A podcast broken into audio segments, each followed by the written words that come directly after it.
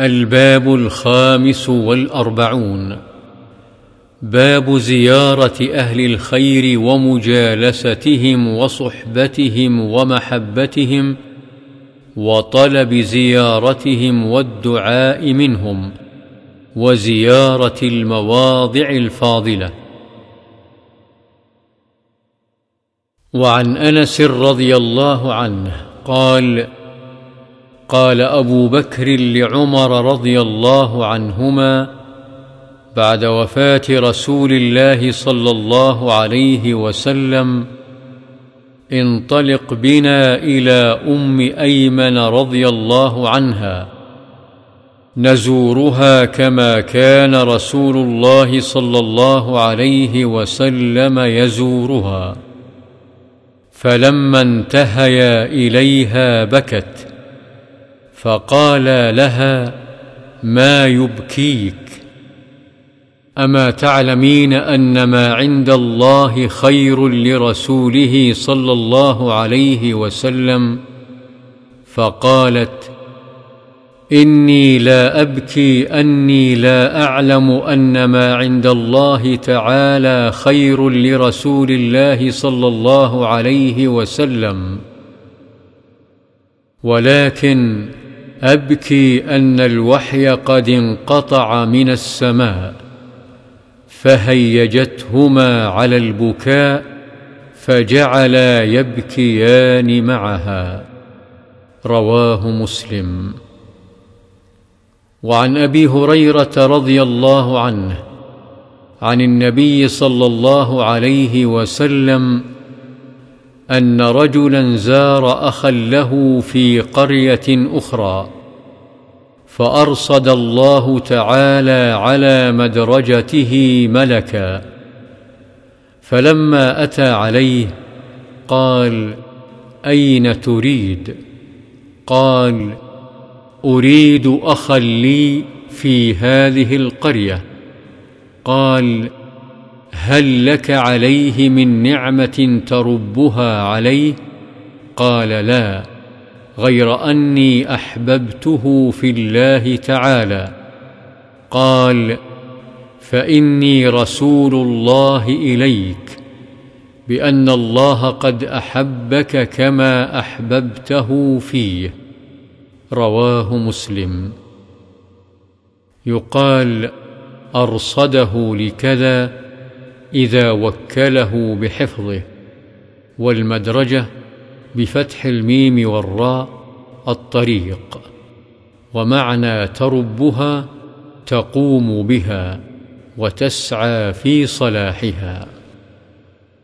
وعنه رضي الله عنه قال قال رسول الله صلى الله عليه وسلم من عاد مريضا أو زار اخا له في الله ناداه مناد بأن طبت وطاب ممشاك وتبوأت من الجنة منزلا.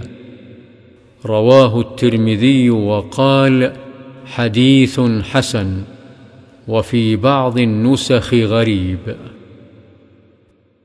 وعن أبي موسى الأشعري رضي الله عنه أن النبي صلى الله عليه وسلم قال إنما مثل الجليس الصالح وجليس السوء كحامل المسك ونافخ الكير فحامل المسك إما أن يحذيك وإما أن تبتاع منه وإما أن تجد منه ريحا طيبة ونافخ الكير إما أن يحرق ثيابك وإما أن تجد منه ريحا منتنة. متفق عليه. يحذيك يعطيك. وعن أبي هريرة رضي الله عنه. عن النبي صلى الله عليه وسلم قال تنكح المرأة لأربع لمالها ولحسبها ولجمالها ولدينها فاظفر بذات الدين تربت يداك. متفق عليه. ومعناه أن الناس يقصدون في العادة من المرأة هذه الخصال الأربع. فاحرص أنت على ذات الدين واظفر بها واحرص على صحبتها. وعن ابن عباس رضي الله عنهما قال قال النبي صلى الله عليه وسلم لجبريل ما يمنعك أن تزورنا أكثر مما تزورنا. فنزلت وما نتنزل إلا بأمر ربك له ما بين أيدينا وما خلفنا وما بين ذلك. رواه البخاري. وعن أبي سعيد الخدري رضي الله عنه عن النبي صلى الله عليه وسلم قال لا تصاحب إلا مؤمنا ولا يأكل طعامك إلا تقي. رواه أبو داود والترمذي بإسناد لا بأس به. وعن أبي هريرة رضي الله عنه أن النبي صلى الله عليه وسلم قال الرجل على دين خليله فلينظر أحدكم من يخالل. رواه أبو داود والترمذي بإسناد صحيح. وقال الترمذي حديث حسن. وعن أبي موسى الأشعري رضي الله عنه أن النبي صلى الله عليه وسلم قال المرء مع من أحب متفق عليه. وفي رواية قال قيل للنبي صلى الله عليه وسلم الرجل يحب القوم ولما يلحق بهم قال المرء مع من أحب وعن أنس رضي الله عنه أن اعرابيا قال لرسول الله صلى الله عليه وسلم متى الساعة؟ قال رسول الله صلى الله عليه وسلم ما أعددت لها؟ قال حب الله ورسوله. قال أنت مع من أحببت؟ متفق عليه. وهذا لفظ مسلم. وفي رواية لهما ما أعددت لها من كثير صوم ولا صلاة ولا صدقة ولكني أحب الله ورسوله.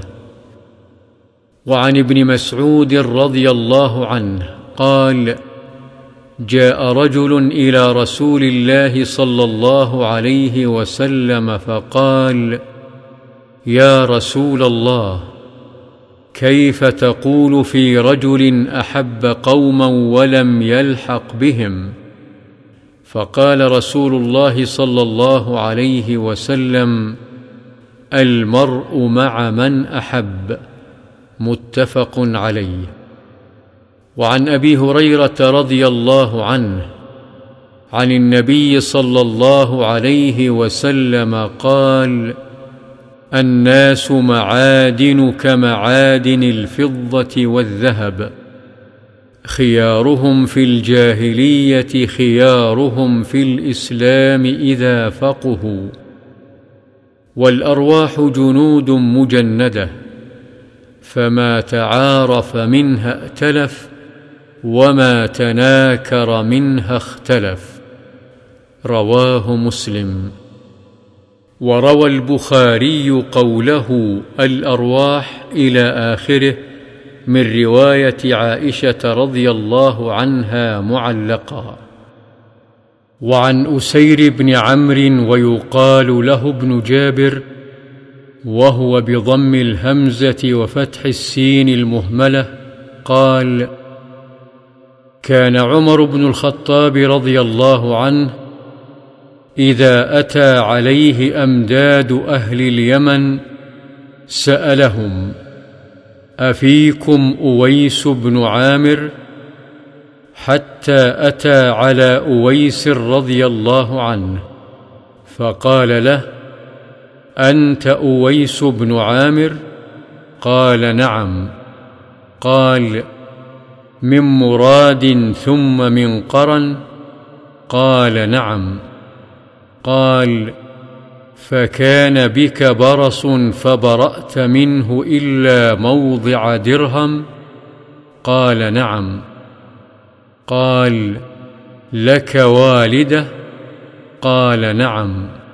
قال سمعت رسول الله صلى الله عليه وسلم يقول يأتي عليكم أويس بن عامر مع أمداد أهل اليمن من مراد ثم من قرن. كان به برص فبرأ منه إلا موضع درهم. له والدة هو بها بر. لو أقسم على الله لأبره. فإن استطعت أن يستغفر لك فافعل فاستغفر لي فاستغفر له. فقال له عمر أين تريد؟ قال الكوفة. قال ألا أكتب لك إلى عاملها؟ قال أكون في غبراء الناس أحب إلي.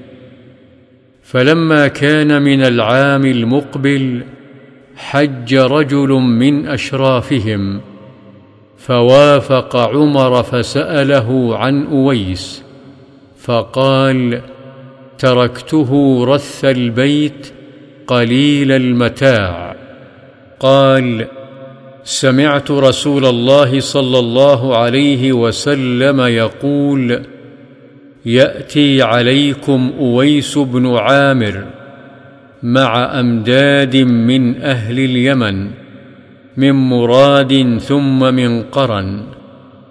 كان به برص فبرأ منه إلا موضع درهم. له والدة هو بها بر. لو أقسم على الله لأبره. فإن استطعت أن يستغفر لك فافعل. فأتى أويسا فقال استغفر لي. قال أنت أحدث عهدا بسفر صالح فاستغفر لي. قال لي لقيت عمر؟ قال نعم فاستغفر له. ففطن له الناس فانطلق على وجهه. رواه مسلم.